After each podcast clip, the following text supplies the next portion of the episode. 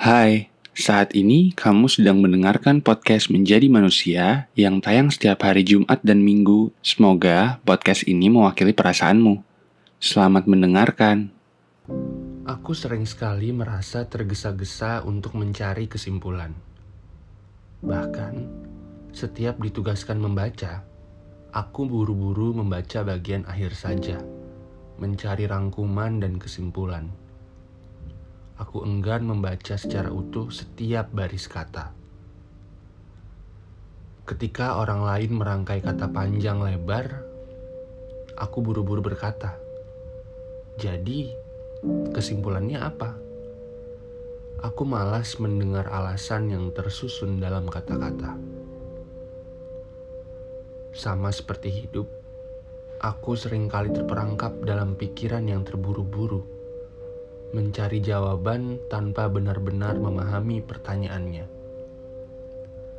Setiap langkah yang kuambil, setiap keputusan yang kuambil, semuanya seakan-akan harus selesai dengan cepat.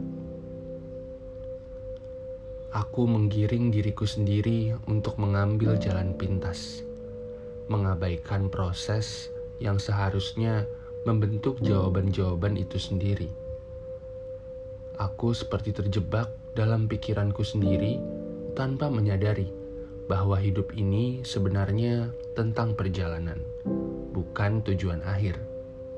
Aku menyadari bahwa setiap kegelisahan, setiap keraguan adalah bagian tak terpisahkan dari kisah hidupku.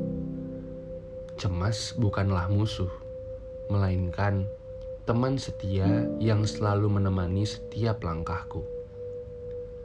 Dengan rasa itu, aku belajar makna sabar dan memahami bahwa tak semua pertanyaan harus segera terjawab.